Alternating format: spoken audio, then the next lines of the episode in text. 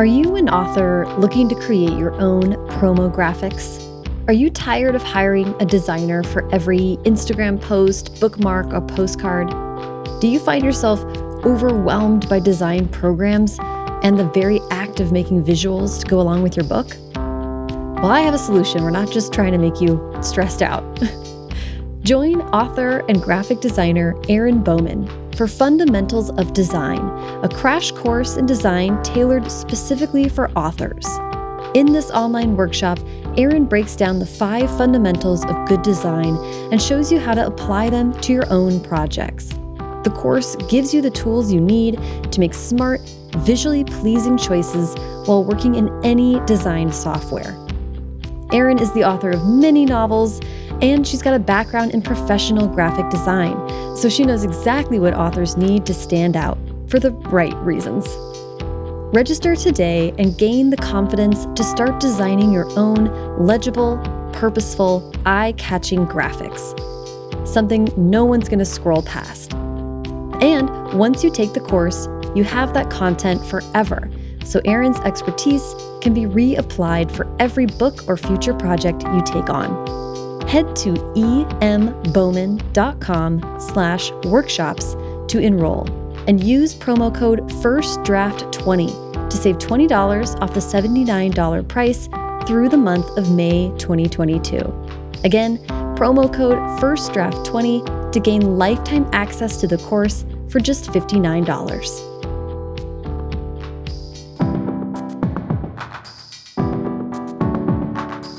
Welcome to First Draft with me, Sarah Enni.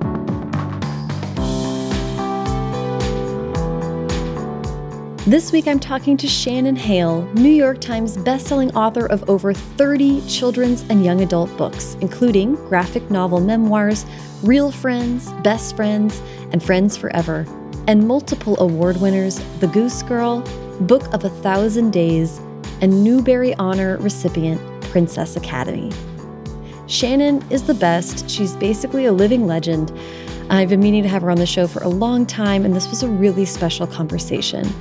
We talk about her tackling all kinds of different mediums over the course of her career, how she discovered and embraced her humor, and how she's seen the industry change during her time as a published author, and what keeps her inspired.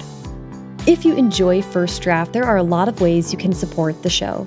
Join the First Draft Patreon, where for 5 or $10 a month, you'll get access to an exclusive community forum, monthly video chats with me, 15% off all First Draft merch, and more. Check it out at patreon.com slash firstdraftpod. If you just want to donate directly to the show on a one-time or recurring basis, you can do that at paypal.me slash firstdraftpod or by donating via Venmo. Shows on there at First Draft Pod. The show notes for this and every episode are packed with links to everything the guest and I talk about. That's another great way to support the show because First Draft is an affiliate of bookshop.org. So that means that when you click the link to buy a book on firstdraftpod.com, part of your purchase goes to support the show and part of it goes to independent bookstores, all at no extra cost to you. And while you're on the website, check out the shop to see all the First Draft merch. Every purchase directly benefits the show. There's a ton of free ways to help out too, like by subscribing to the podcast on whatever app you're using right now and leave a rating and review on Apple Podcasts. And sign up for the First Draft newsletter to be sure you never miss an episode and hear about news and upcoming events. Okay, now, please sit back, relax, and enjoy my conversation with Shannon Hale.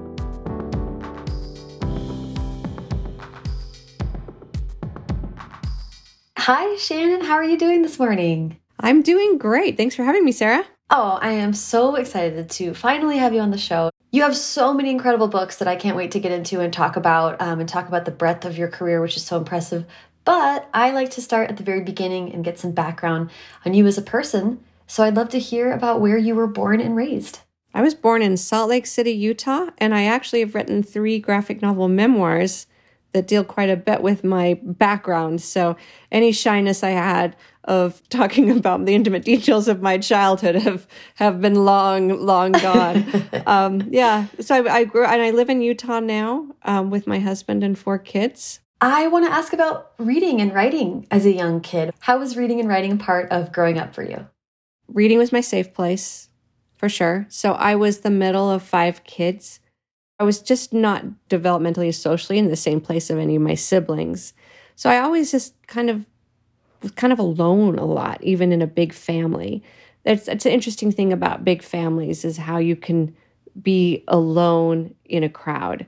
I always made up stories before I could write. I would make up uh, plays and games that my younger siblings could perform or that I could do with my friends.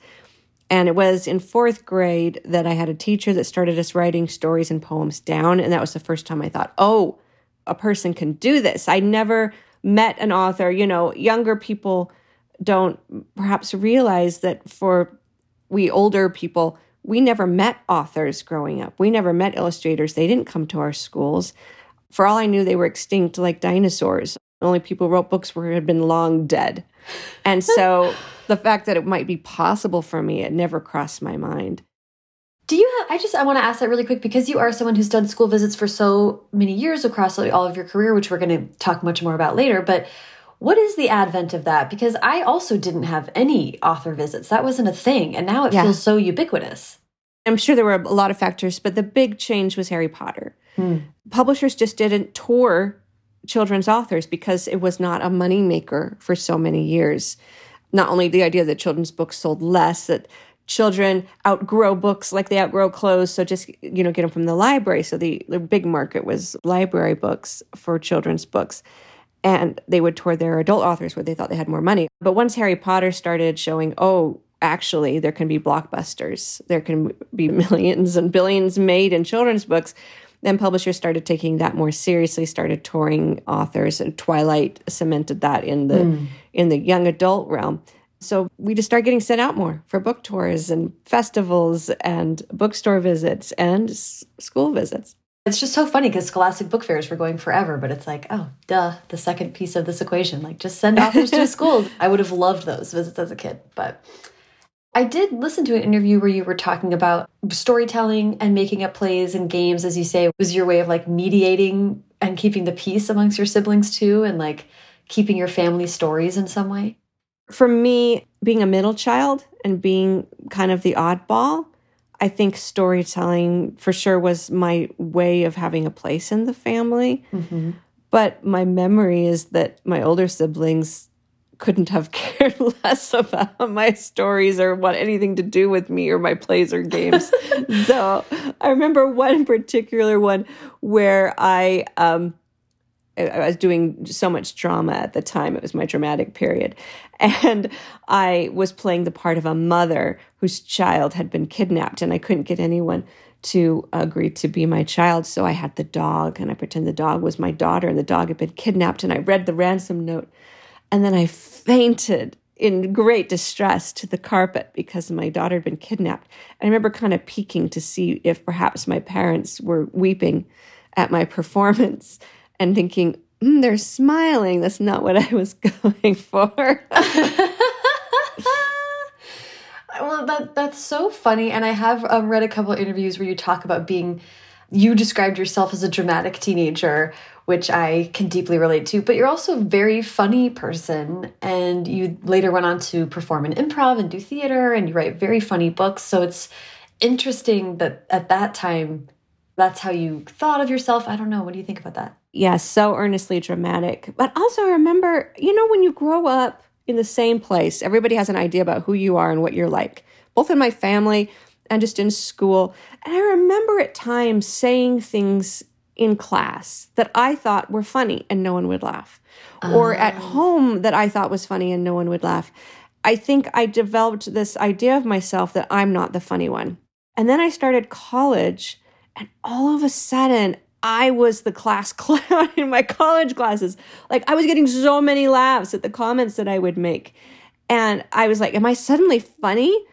Or is it just that I'm out of the place where people, you know, had decided who I was? Yeah, a change of venue. yes. Uh, my but my first books have very little humor in them. I remember touring actually in England. My first, you know, several books are like fairy tale fantasies, lyrical kind of storytelling. And a librarian introduced me and she was talking about, oh, the beautiful writing in her books, and you're going to love it. And then I get up and did my presentation, which is, uh, you know, like stand up more than anything. When I do presentations, I often kind of, I, I hesitate to say stand up because I'm not, I'm not, I don't think I'm that funny. But that's sort of the vibe that I end up going for and I think a lot of it is rooted in insecurity, you know, and like if I can get people laughing, then maybe it's worthwhile. Like I don't think I have anything worth saying, and nobody's going to be interested in what I'm saying. But if they can laugh, at least I've done something. So anyway, I do my presentation, and then afterwards, the librarian apparently felt compelled to come back up and let everybody know um, what she writes is actually nothing like what you just heard. so don't be shocked if you read it. Um, it's actually her her stories are quite lovely. I was like, oh no. I thought, oh no, she was. That is not what she was expecting or wanting out of me. That is so funny. Oh my gosh. I kind of want to talk about you moving into obviously you felt very serious about writing because you went and got your MFA, I think pretty quickly after you got your um, undergrad degree. Is that right? Yeah, I, I think I had a year in between, went directly to get MFA. And it was very scary for me because I'd wanted to be a writer since I was 10. But I noticed starting in middle school, especially, and into high school, whenever I told people that's what I wanted to do, it was a, a very belittling response mm. from peers. It's yeah whatever everybody wants to do that. And from adults it's that's really hard you know. And so i stopped telling people. I kept it a secret for a long time. So i really had a you know heart to heart with myself when i was in my early 20s is there anything else that i could do right. that i could be happy and fulfilled? Because i don't want to put myself through this. Because mm-hmm. you have to make yourself so vulnerable. You fail so much and I it, I had I didn't even know how much I would have to fail and hurt, but I had an idea. I really decided no, there's nothing else. So when I went to get my MFA, I felt like I was coming out of the writer's closet and I couldn't go back in. Now people know I made myself completely vulnerable. Everybody can judge me. And if I fail, I'm going to be failing very, you know, noticeably. Right, right. Uh, I read that you wrote mostly short stories and mostly in a contemporary setting while you were getting your MFA. Yes. So I was a huge fan of fantasy growing up. And then when I started high school, you know, as a reader, as a good reader, I was in the honors English classes and AP and all that. And all of the assigned reading is all literary fiction, which is certainly no comedy, no fantasy, no science fiction, no romance, no nothing except for tragedy, really like even the Shakespeare plays we read were the, the tragedies. I got the idea that in order to be an adult, you can't like genre anymore. You have to leave that behind. And I wanted to be a writer, and so I wanted to be well read. I actually started, I had a list that I tore off the back of a, called Cliff Notes. Do we still have those? Yes, definitely.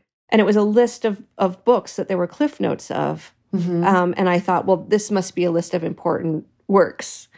I started at A. Wow. And that's how I choose my reading material. And I got into a real reading depression because instead of like choosing books by what I wanted to read or what felt good, it was like a, it was a to-do list. And I remember being in college walking through a bookstore with a friend and he was touching the spines of the books and smelling them and he's like oh my gosh don't you love bookstores and i had this epiphany where i was like this jolt of shock where i was like I don't. Why don't I like bookstores anymore? And it was because it had become this duty instead of a joy for me. And it still took me a few years to work out of that, give myself permission to read for pleasure, to read for fun. But all through my, you know, getting an English degree and getting my MFA, everything we were assigned was depressing. Mm-hmm. It was all people who start out life with potential, but because there is no real joy or hope, end up broken and destroyed at the end. And that's the kind of stories that I wrote because that's mm-hmm. what I mm-hmm. was reading.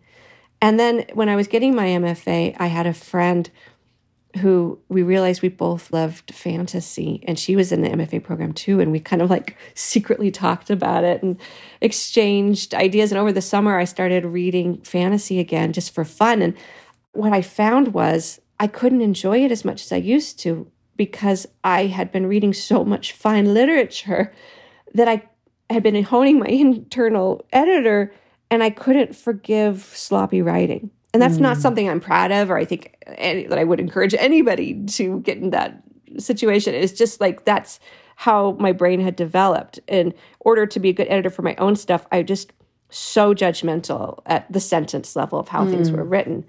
And my goal was to write a book that could have the kind of writing at the sentence level that was uh, what I thought of as quality, but also combine it with just storytelling that was fun and exciting. And I started writing uh, what became my first book was um, that summer. Oh, that's amazing! I love that as an origin story, and yeah, I love.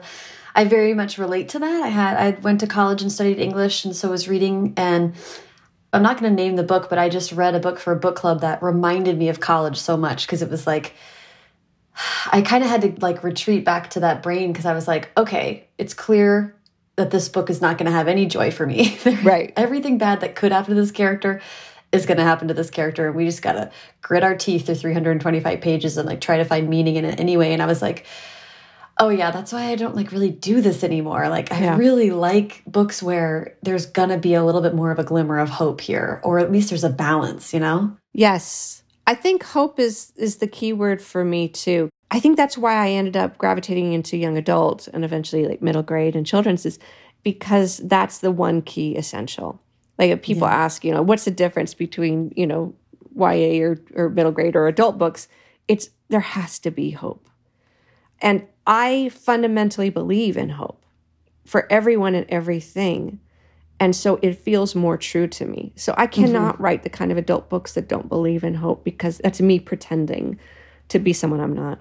So I'd love to just get into you already teed us up, but Goose Girl, can you before I ask questions about that book, do you mind giving the official pitch for it? Oh, sure, but of course it's been 18 years. um, how I came to it was this friend and I, her name's Tiffany Trent, she's another writer. When we met in grad school in Montana, we were talking about like our first loves of reading when we really fell in love with reading. And Robin McKinley was one of my first loves. Her first book that she wrote was based on a fairy tale, Beauty and the Beast. It was called Beauty. It felt like such a scary thing to write a novel. I've been writing mostly short stories, and I had written one novel just for practice, but it was no good. So, like for my first real novel, to spend that much time and love and care on something, I wanted it to be something that mattered. And so I thought maybe if I should do the same thing, base it on a fairy tale, because the fairy tales are stories that have withstood the test of time. You know, they've been passed on orally for generations, so you know there's something in there worthwhile. Mm-hmm. And my favorite fairy tale growing up was The Goose Girl, which was a pretty obscure one. So I thought it would be, you know, new for a lot of people. I challenged myself to write a first draft over a summer, and I managed to write 80 pages, all of which I cut. They were terrible. and then I spent the next year finishing my MFA, getting married. The next summer, I was like, okay, now I'm really going to do this. I spent the next two years writing it. I had to also get a job to pay off my student loans, but and then I revised it probably at least 30 times mm-hmm. extensively. You know, it was my first book. I didn't know what I was doing yet. I was teaching myself how to write a novel while writing a novel. And so I made so many mistakes. But eventually I came to something that I truly loved. And I, I tell you, like, the best author experience, probably to this day still, was printing up a copy of, you know, probably draft 20 or something and giving it to a friend of mine. And she was going on vacation with her sisters and mom. And they started reading chapters aloud to each other at night.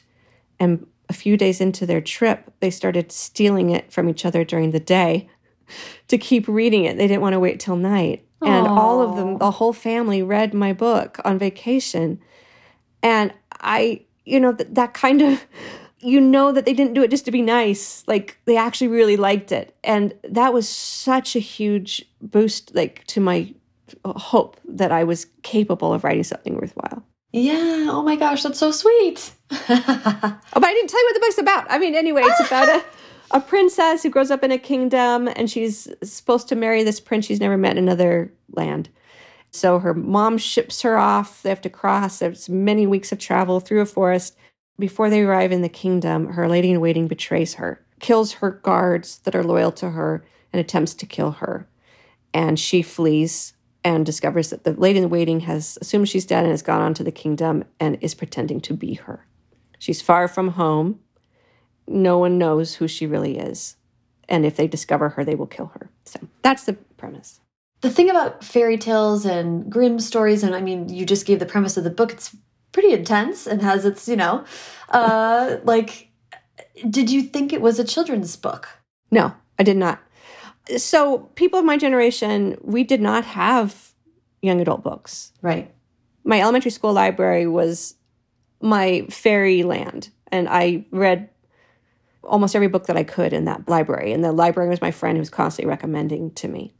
You go into junior high, and it's all classics and encyclopedias. yeah. Like as soon as you are hit teen years, there were not books that were for us anymore. There were not books that we would read for pleasure. You were immediately moved up into reading adult books. So I didn't even know that category existed. Mm. I mean, I knew The Outsiders was about teenagers, but there were, you know, a few here and there. But as a category, as like a place that I could spend time in reading, it uh, was slowly developing at that age. But I they weren't in my library, so I didn't know about it. So I wrote it thinking it was for adults. Um, it was an adult fantasy. When I eventually found an agent and I tried to find many, finding someone just to read my book was almost impossible. And this was someone who never sold a book before, who worked for an agency but was not an agent yet, that I finally found. And she read it and she said, This is young adult. I was like, Oh, okay. I had no idea. And then I started reading young adult and I was like, Oh, yes this is my place. This is where storytelling matters, but also crafting matters. Like mm-hmm. so many well crafted books, so much amazing writing in young adult. I, mm-hmm. I really mm-hmm. felt like I felt my found my home. That's great. You said in, in another interview, the only conscious decision I made in, in this regard was with my first book, The Goose Girl. I was tempted to have her love swordplay and become this kind of warrior girl who could take down the boys. There's a place for that kind of story, and The Blue Sword was one of my favorite books of all time. But I also wanted to show a different kind of strength that can be just as or more powerful. The powerful women I know aren't powerful because they can beat someone up. They're powerful because they're thoughtful and clever and bold and loving and fearless and willing to make mistakes. Kind of like the powerful men I know. I didn't want to write the kind of stories that place physical prowess above all other attributes. I mean, that's a big choice to make about your character and what you're going to explore with that character in the book. Yes, I was absolutely had intended her to be like training with the sergeant at arms and getting good at swordplay. And then, because I do love those books. But as I just kept thinking about it, I just, I felt really uneasy with it. Like people say, write what you know. And I used to misunderstand that. Like you can't make stuff up but I think it has to be like write what's true and resonates with you. What felt true to me was noticing all the women in my life and the ways that they were powerful. And none of them ever punched somebody or shot somebody or stabbed someone with a sword. like, how can I tap into what is perceived as feminine power? Mm-hmm. And it is a fantasy, and she does have, you know, supernatural gifts. She does have magic what could that look like in a feminine way? And I wanted to explore that. And I, I mean feminine in a very broad sense because I think that femininity is a spectrum and I think it's enormous. There's a huge space to play in with that. And I think everybody, whether male, female, or non binary, has different amounts of femininity in them. But it's just what our culture has stamped as femininity. Mm-hmm. What would that kind of power look like? So that's what I wanted to explore with Goose Girl. Yeah. So I want to talk about kind of releasing that book and what it felt like to kind of start down this path and lead us to developing the Princess Academy. So, Goose Girl, I mean, I had a very small publisher, Bloomsbury. They were brand new in the US. I believe I was the second book they acquired in the US. Oh, wow. When I was acquired by Bloomsbury, they had three employees. So it was not a big release. I was not sent on tour. I didn't do big events, you know. There was not like advertising. It was a very quiet, slow release. And that was also very normal back then as well. Mm-hmm. You know, books stayed out in hardcover for two years before they would go to paperback. It just, it was mm-hmm. expected that you slowly build or you hope that you slowly build. So I think the first printing was maybe 10,000 copies. That was also my advance $10,000. And then slowly people read it and it got some nice reviews. It did not win any major awards, it was not a bestseller. But I remember a conversation with my editor in January. I was new. I was so scared of like, you know, rocking the boat. I mean, I've already revealed myself as someone who would work for weeks for people without getting paid. So, you know, I'm not I was not very forthright. I was so scared of like being told, "Oh, you're too much trouble. We're sending you home." Um, but around January, I kind of dared just to ask my editor, you know, is it selling? it came yeah. out in August, so it was like 6 months later. It's like, is anybody buying it? Because you just don't know. It's a weird thing about being a writer. Your book goes out and you just don't know what happens. Yeah. yeah. And she's looked up on the computer and she said, We sold 700 copies last week, meaning that bookstores had ordered 700 copies to be shipped to them for them to sell. But still, I was like, 700 in one week? That's in a, a week? I who are they? like they're like the people who know me already bought a copy in August, or if they were going to, or they didn't, you know. But these are 700 people I don't know. And it felt magical, you know? My bar was very, very low, which was great because I got to be delighted by any small thing that mm-hmm. happened. And you know, Goose Girl is still in print after 18 years each printing of a book is uh, a publisher will, will print as many copies as they think will sell because it's very expensive to print and very expensive to store in warehouses. So they don't they don't print more than they think they can sell. So each new printing is a sign that it's selling, mm-hmm. right? That they still have faith in it. And last I heard, it has it went through. It's been like thirty five printings. Wow! So for a little book from a small publisher, that's that feels amazing. Yes, that's incredible, and that's like I love, you know part of me is like, oh, the days when it was like a slow burn is what we are going to hope for, and that's okay. And that days are those days are gone. Yeah. It is harder now. That's that was always the way with adult, but with children's books, the slow burn was just the way it was. With adult books, it was like you got two weeks. Mm -hmm. You you make some noise or it's right. gone. It's right. literally gone. It's brutal. And more and more children young young adult books are going after the adult model where they're yeah. not given as much time. You know, they started going into paperback after a year. Our Princess in Black books stay in, in hardcover for maybe four or five months before they're in paperback. Wow. And yeah, if they don't make a splash in a couple weeks, especially young adult, yeah, it's, done so. It's gone. it's gone. Yeah, it's a real wild. It's a wild time, but I appreciate you spelling that out because it's that's such good stuff to know and understand and contextualize about what's physically happening with with your books and publishers decisions and i'm a big advocate of everyone understanding how this all works so. Yeah. Um, let's talk about the princess academy because that was another really huge moment for for your career. I'd love to hear about the evolution of, of com coming up with the idea and writing it and then I'll, I'll have you pitch it for us. Okay yeah. So after the goose girl i wrote Enna Burning which was a sequel. And then i started writing princess academy which was it just came from an idea that popped into my head one night my husband was talking about a book he was reading where there was the character was a tutor to the princesses.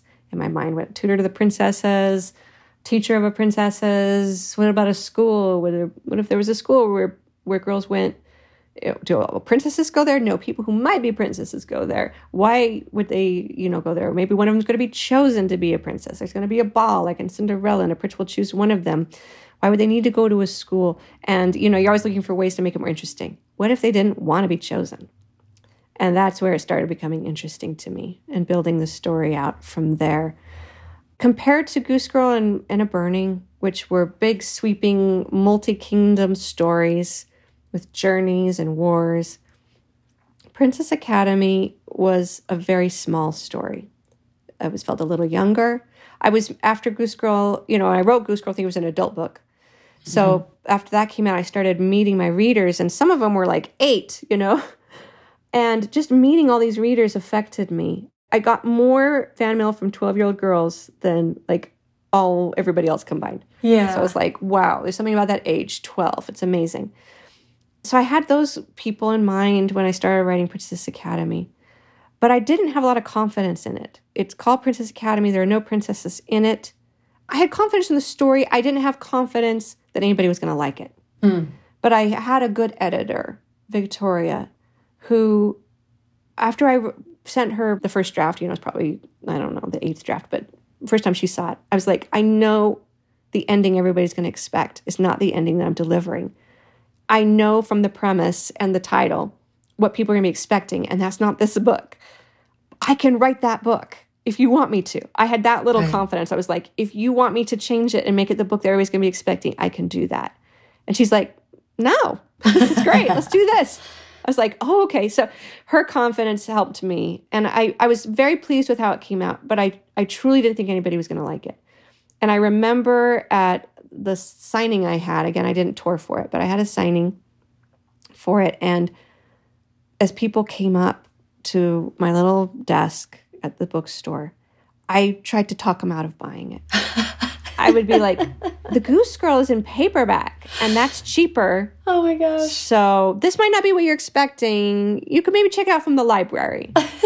and like every single person, and then like somebody came up to me and was like, "Stop doing that." Um, so The bookseller is like, hey. yes, like I'm the worst. Like even in school visits, I think it was after my fifth or sixth book. Uh, when I- once I started touring, I had my publicist that would tour with me. She told me, "Listen, you have to start talking about your own books in the school visit. You're promoting Captain Underpants more than your own book." Because I never, I was so bad at self promotion. Anyway, it came out. It got a couple nice reviews, and then it would have died. It would have died right there. But um, eight months later, I was woken up at 4.30 in the morning by the Newbery Committee. Um, it had won a Newbery Honor. And that changed everything for that book and for me. I've heard about people talk about that Newberys don't matter as much anymore. And that may be true for some books. For that book, it was everything. I think part of it is the title, which was a thing I was too ignorant to understand at the time, but it sounds very fluffy mm. and it's very shallow, but very commercial. It sounds very mm-hmm. commercial. Mm-hmm. But the combination of the premise and title, which are sound commercial, and this Newbery stamp of approval gave it a kind of magic that it got legs and just kept walking. Yeah, that's incredible. I, I mean, I'm always so interested in moments like that because you can never, you know, it would be really a brutal thing to do to yourself to be like, I'd like to win a Newbery in my career. Like that's right. No, it's impossible. yeah. But when those things happen, it's so um, it's just a big deal. It and is. that brings a lot with it. So what was the experience of that whole it's kind of a whirlwind, the entire process. It was. And well, you know, it's funny because they I was the first Utah author to win a Newbery honor. And the committee, I remember them telling me on the phone, Utah's gonna make such a big deal out of you. You're gonna get so many phone calls. And I was like, oh, my life's gonna change. And I hung up the phone and waited. And you know, and then nothing happened. so it didn't wasn't a big deal in many ways. It's not like i was suddenly like super famous and popular and making a lot of money or it didn't really change my life in that way. But that book stayed in print and had a lot of readers. So that book got specifically got read a lot. Um, it didn't make, make all my next books you know necessarily sell more. But same with like the movie. I had the movie of Austenland and i think there's an idea of you know you get a movie and suddenly everything changes. It didn't Austenland never, it didn't sell a lot of copies because it was a little independent movie without a lot of publicity. Mm-hmm. It, it absolutely didn't change anything with my income or my career, but it was a great experience, you know? So it was worthwhile for that. But for Princess Academy, the biggest change it gave me was this internal thing where, because I had so much self doubt. Like, I mean, of course, you know, writers always do. But it gave me this like something to lean on. There was always like this wall behind my back hmm. that like I did do something once mm-hmm. that was okay. And I already had written the next book when I got the Newbery Honor and was halfway through the first draft of another one.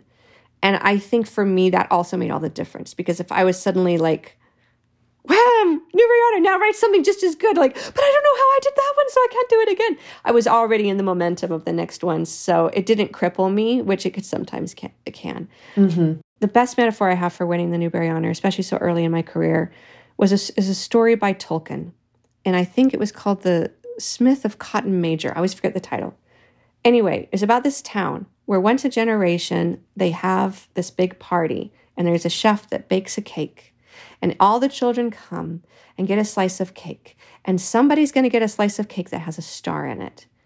And you don't know who it is but they eat the cake and the star the star is in it.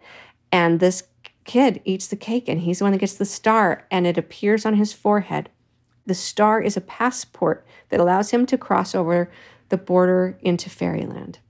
And all his life he gets to live in two places. He gets to live at, at his home and he gets to live in fairyland and he gets to freely pass across the border as somebody who belongs in both places. And it's this gift that he got.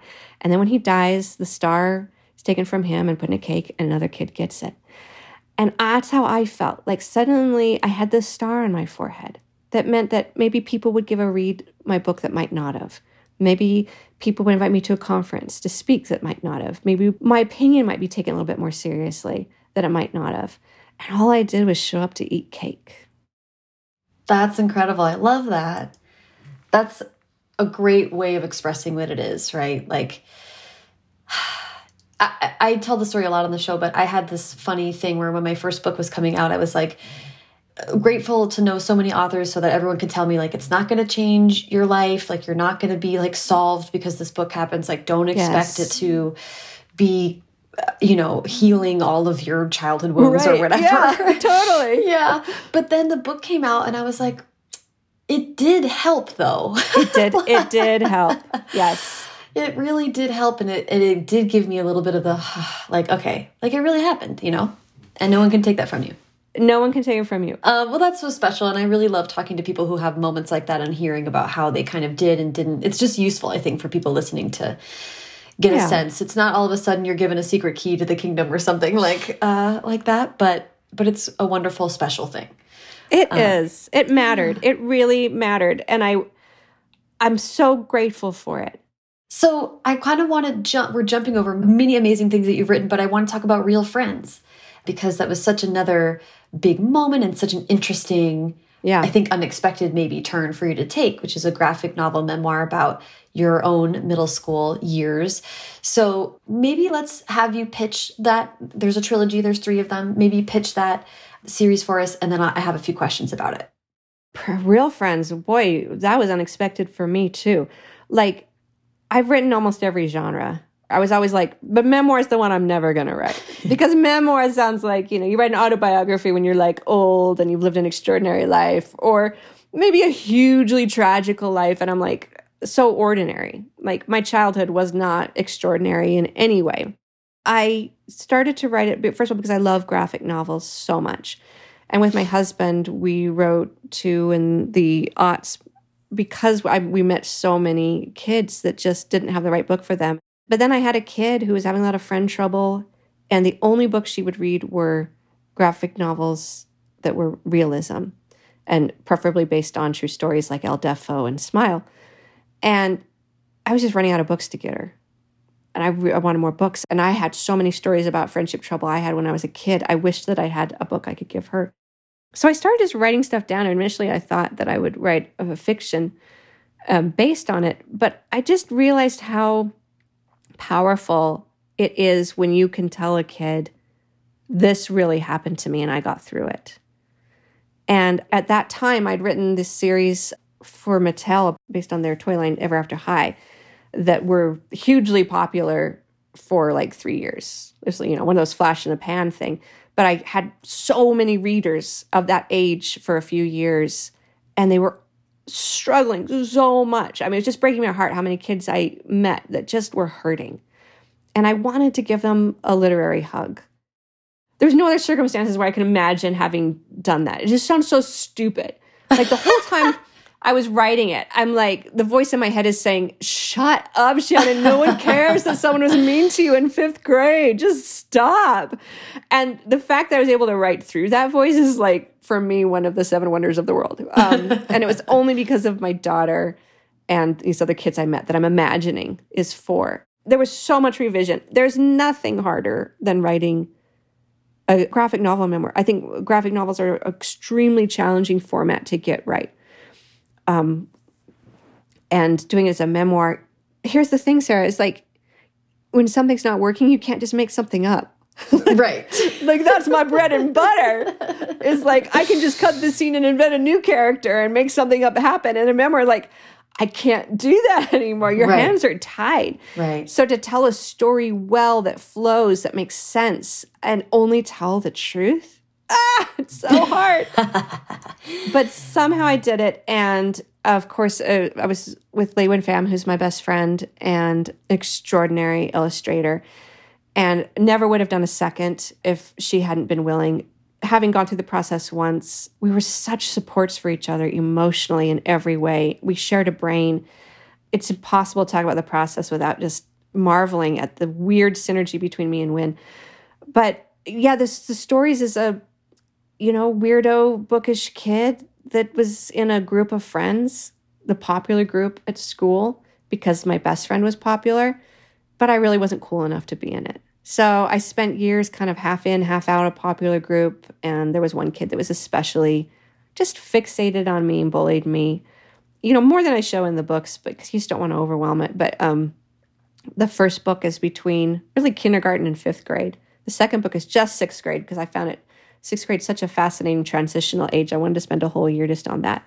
And then the last books, they're too hard. We can't do anymore is about eighth grade. And i also have always had an anxiety disorder just and prone to depression. So in, in the eighth grade one I, I really deal with that.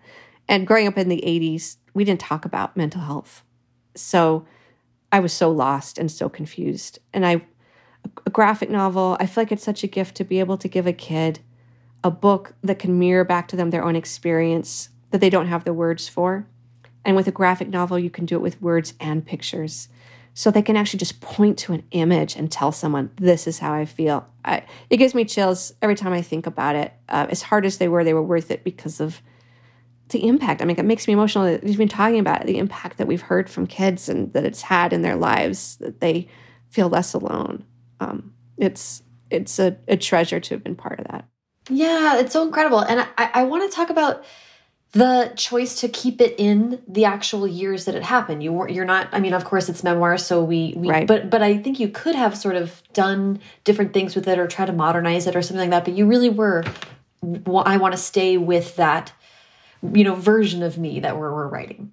Yes, and partly it just it was because once I decided to tr- do true, I just had to do true, um, and a lot of it is like the eighties were weird, man. Like it just doesn't make sense anymore. Like how much time we had alone, how you're just kind of kicked out the back door and be like, "See you at dinner," you know? Yeah, come back when it's dark. Yeah, come back when it's dark.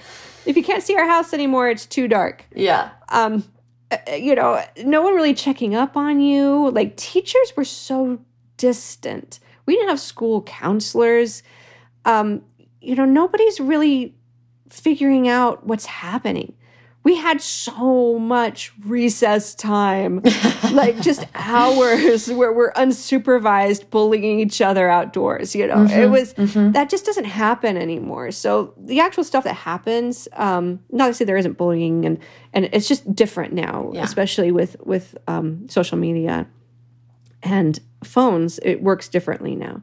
So it's a different flavor of loneliness and and fear and anxiety than others but what's fantastic is how it doesn't matter what era it's in the emotions are the same the relationships are the same and it's still somehow a universal experience i, I was talking with graphic novelist gene yang who's brilliant when i was working on it and I was telling him how I was so amazed at, at how much people could relate to it. And he said, the more specific you make a story, the more universal it becomes. Mm-hmm. And it's like, yes, that's what it is. Like, tell your specific story, and people find a way to connect with it.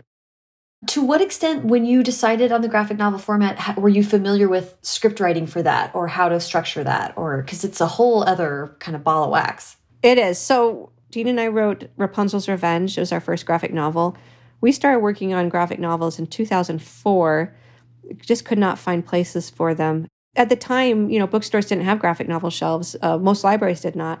A lot of them had manga, but um, there was very little out there for young readers. So he grew up reading comics. We knew the power of this kind of storytelling. We just couldn't really find a way to to do it. And then Bloomsbury, it was their very first graphic novel they ever did was was Rapunzel's Revenge. There's no industry standard for graphic novel script, like there is for, for example, for screenwriting. But it is similar to screenwriting. We we looked up online what other people did and just kind of made up as we went along. We always talk with you know whatever illustrator if we know what illustrator we're going to be working with, like what they prefer. But the basics of it is describe what's happening. You write panel by panel, describe what's happening in the panel, and then any dialogue, captions, mm-hmm. sound effects, etc. So it's a very weird way to think. It's a really hard someone who's used to writing a narrative. It's a completely different way of storytelling. And for someone who's used to writing screenplays, it's very different because in your screenplays, you've got motion, you've got sound. Yeah. You're telling a story through a series of still images. It's challenging. With real friends, yeah, I'd, I'd, already written a couple and I'd, you know, done screenplays. So I, I was familiar with visual storytelling. And then I just you know, made up my own style. And of course, I always talked to Win what she wanted, but she kind of just goes along with whatever I'm doing. She figures it out. She's so amazing. I love that. Yeah. And there was a quote from you that you had talked about when you were getting your MFA that you actually had a professor tell you to, to turn off the visual. That's true. Yeah. Which I think is good advice when you're writing literary narrative. Turn off the visual in your brain. You're not describing what you see and that's important because this is you know a novel is word based art. Let the words lead. Don't mm. just describe the visuals. I i can tell i feel like when i read books i can tell when someone is visual and describing what they see in their head and when someone's letting the words lead. It's a different kind of storytelling. Mm. um, so when i'm working on a graphic novel i have to like undo all of that and shake up my head and and get back into um, okay visuals have to lead. This is turning my brain inside out. Mm, I know, but it's so, it's also like, I was just struck by the progress of your career. You seem to have always found new things to keep it exciting for you, to new things to try and to tackle. Yes, I get bored easily. So I have to. I've done a little bit of everything. And a lot of that is because of, of boredom. A, a lot of it is if I feel like I know how to do something, then I'm scared I won't do it well. Mm. I have to be, I have to challenge myself mm-hmm. in order to kind of keep myself on my toes. Um, well, let's get to this book is not for you, what you're here to talk about. Um, but to, to understand and contextualize the need for this book, I think we have to start with your blog post, the February 2015 blog post, No Boys Allowed School Visits as a Woman Writer. Because I, in looking at it, I felt like that was kind of the kickoff point for you to really publicly talk about like all the things you talk about in the blog post. I'm going to have you describe it because you, you yes. wrote it. But can you yes. talk about that blog post and what led you to write it? Yeah. When I started out, I remember having a conversation with my editor. We were talking about should we call it The Goose Girl, my first book. I named it after the fairy tale it's based on. She thought, we can think about alternate titles. And I said, Are you worried about boy readers? Because if there's a girl in the title, they might not want to read it as much. And she said, Oh, no, I'm not worried about boy readers. Like, they're not an issue. They're not going to read it no matter what there was always this assumption if you're a woman and your main character is female, boys will not read your books. So, because there was that assumption from the get go, of course, it's a self fulfilling prophecy. And I just assumed they knew what they were talking about and they were right. And then when Princess Academy won a Newbery Honor, everything changed because uh, because of the award, teachers started to pick it as a read aloud in their class. And I started hearing from all these teachers that would tell me the same thing. They said, when I said we were going to read a book called Princess Academy, the girls went, yay, and the boys went, boo. And then by the time we read it, the boys liked it as much or even more than the girls. And for the first time, I had this evidence that, like, okay, this assumption that boys will not like books about girls is wrong. It's true that they read them less often, but why do they read them less often if they're so capable of enjoying them as much as books about boys? And I started just to notice, like, I would get remember one time getting introduced for a school assembly where the librarian said, Girls, I'm so excited. You're going to love Shannon Hale's books. Boys, I expect you to behave anyway. That's the way I was introduced. And that happens a lot in my introductions. They just come out and say, Shannon writes amazing books for girls. That's the tagline for it. People just in front of me, like a boy will walk up to my table at a signing and a parent will pull them away and I they audibly say, "No, that's a girl book." This happens in front of me. And I'm surprised how many people don't realize this this happens. And I think it's because I became known as the author of Princess Academy. I became like a gendered author. I became treated as someone who is for girls alone. And I spent a decade watching this all play out in front of me. The most egregious being I would sometimes do school assemblies and they would separate the boys from the girls and only have the girls go to my assembly. And that was always very shocking to me because it really is saying, this woman has nothing of value to say. I'm not doing a menstruation talk, you know, there's absolutely no reason. I'm not talking about your, your period and you. It's ridiculous. Uh, and I would ask them, when a male authors come, do you just have the boys listen? And no, the whole school is invited. That's just an ideology that we have developed in our society that women's stories are for girls and men's stories are universal. So I've been talking about it for years and just without any traction. But for some reason, that blog post in 2015 took off. People started to notice. And I guess it just took time, you know, for people to care. Yeah. Um, if any readers are interested um, of reading a little bit more, I wrote a blog post in 2018 in the Washington Post, but it became something just I was more passionate about because I could see the effects of this. First of all, reading is a deeply immersive uh, exercises that that encourages people to develop empathy for someone different from them. And we were raising a generation after generation of boys that were shamed if they empathized with a girl. And that's just what kind of men are those? What what kind of society do we have where girls are encouraged to empathize with boys and boys are humiliated if they try to empathize with girls because it is humiliation it, it is shaming I've, I've, I've seen it and when i had the ever after high books something else happened um, that was that always kind of shook me when i would do school visits I would talk about some of my previous books because I finally learned how to talk about my own books. and I had, uh, you know, PowerPoint. So I had a slideshow, and I would, when as soon as I had an image of Ever After High, the boys in the audience booed loudly.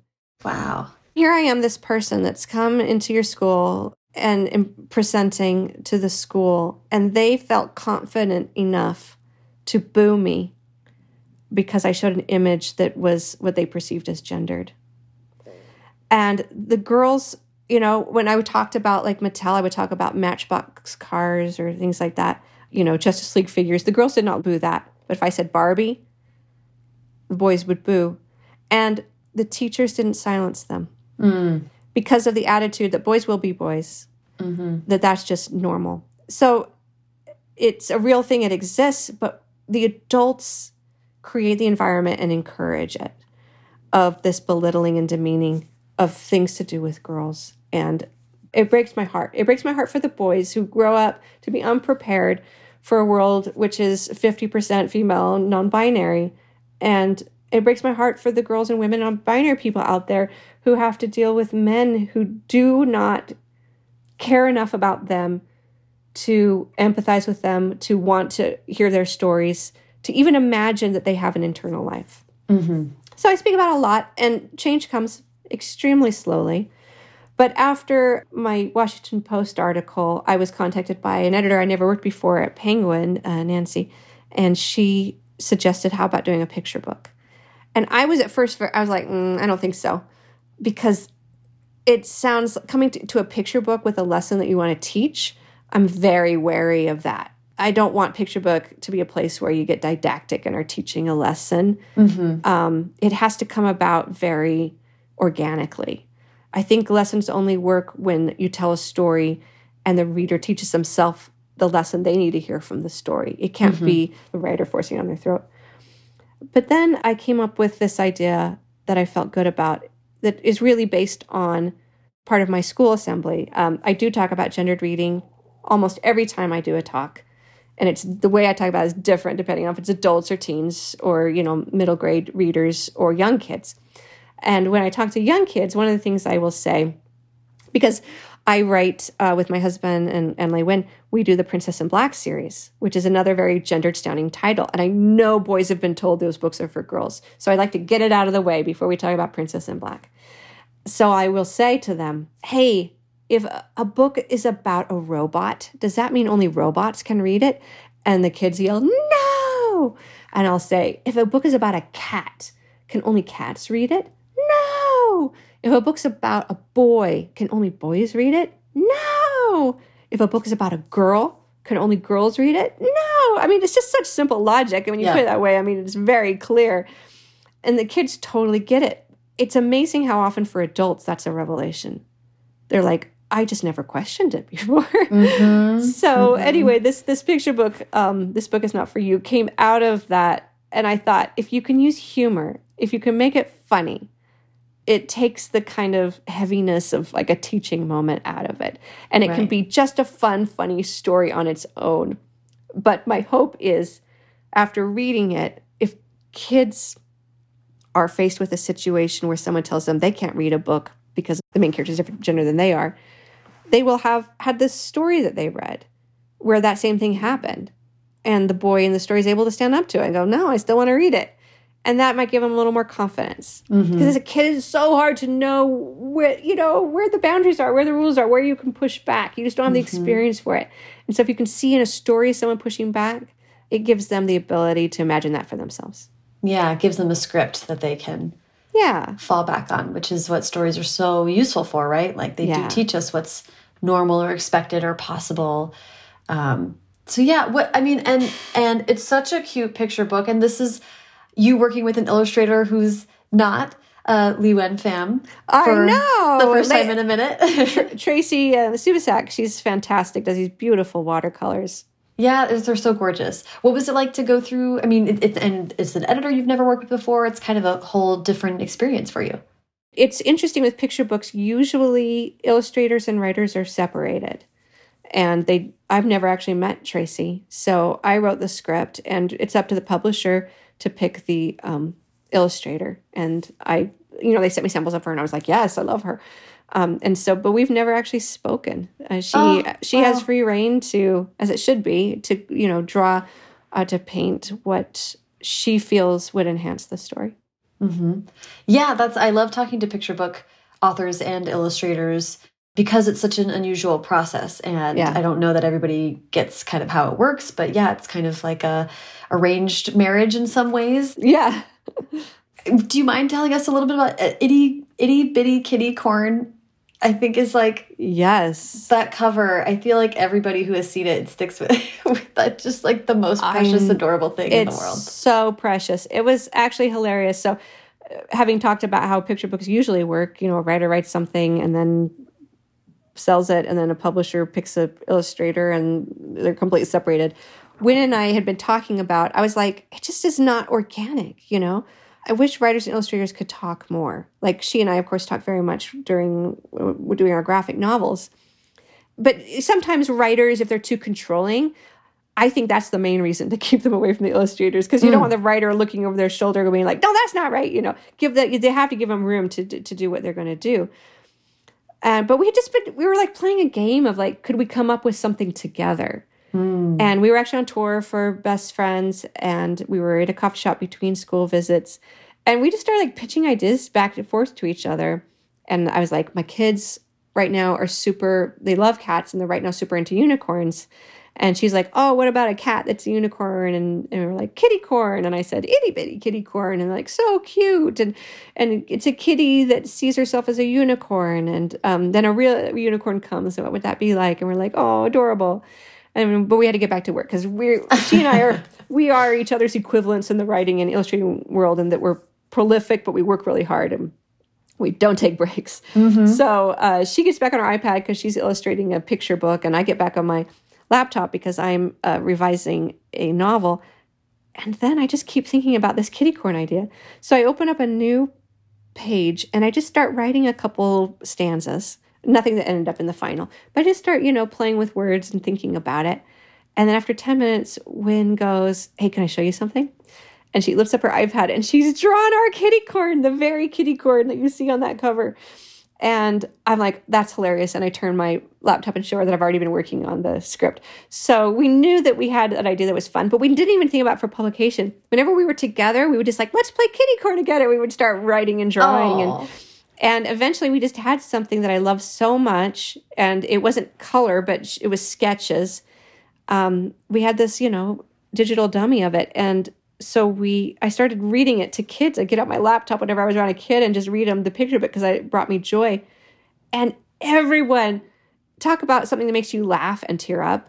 It's this book. Like happen like every time adults would just get they'd be laughing and smiling and all of a sudden they're tearing up. They're like oh my gosh i did not expect that. And uh, it, it gave us such good feelings that uh, we eventually um, published it with abrams. It's been just it's just been a joy project from beginning to end I love that. Oh my gosh. Well, Shannon, you've walked walked us through so many different projects and I'm and I wish we could have gone deeper in all of them, but I wanted to kind of get this like really fun sort of 30,000 foot level view of all the many different projects you've worked on and I really appreciate you giving me so much time to talk about it today. I do wrap up with advice, so I guess I would just really enjoy I don't know if you have kind of overall advice you give to writers usually or or maybe people who look at your career and think I also want to try as many things as I can. If you have any advice for someone who's interested in being a multi-medium author. You know, I think there's a disadvantage to what I do in that I don't have a brand. In business, it's nice. People want to know what to expect. They'll eat McDonald's in Mexico City and in Moscow because they know what to expect. You know, they have that comfort. People don't know what to expect from me. So that's been detrimental if I'm in bookstores, my books would be in I think maybe eight or ten different places. Mm-hmm. That's detrimental because I can't just go to the Shannon Hale shelf. So there are problems. Like I, I, it's not bad advice to pick a thing you love and do it. You know, I'm not. I don't ever want to talk anybody out of that. but if you are like me, and you get bored easily, and you like to challenge yourself, don't let anybody tell you that you can't do that. Mm-hmm. You can. You uh, LeUyen, I just said we're counterparts. We really are. Um, she's illustrated over 120 books, and a lot of people still don't know her name. And it's because she works in so many different styles that mm. she doesn't have that mm. easily recognizable style that people always like. Oh, that's her. They don't realize how many different books she does because she she's uh, does so many different styles. But that's what she likes to do, and she would get bored otherwise. Mm-hmm. So if you're mm-hmm. like us, you you want to go big and broad, there's a place for you and I guess just like more general advice that maybe um, it's taken me now that I'm 48 and wise.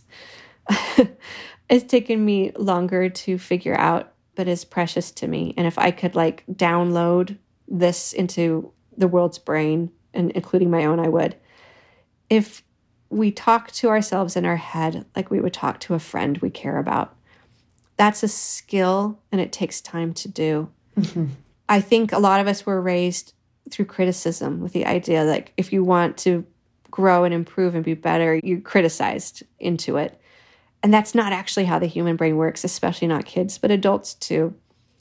Um, encouraged into it, supported mm-hmm. into it, not mm-hmm. lying, acknowledge when when you know I've got a weakness or something didn't go so great, but then refocus on okay, but you got this because that's what I'd say to a friend. But you still got this. Yeah, that's, I mean, listen, six years of therapy and we like just kind of came around to it, but it's right. like a, a daily right? practice and. Yes. Uh, journaling helped me because at the end of the day, I, I would go to bed and be like, ugh, I didn't do this, I didn't do that. And then through journaling, it was like, but what really did happen today? Like a lot of really good stuff. And I and I mm. showed up where I where I could and I did my best. And it was like, yeah, oh, just kind of reframing every day made me realize like, oh, you're falling into this habit of being too negative, and we don't need to do that. We don't need um, to do um, it. We will, we are growth oriented naturally. We will grow. And that kindness gives us more energy. That self kindness and self compassion gives us more energy to do the things we really want to do. Yeah. Yeah, I love that. Well, Shannon, this was such a wonderful conversation. Thank you so much for all your time today. Thank you so much. It's been a joy. Yay.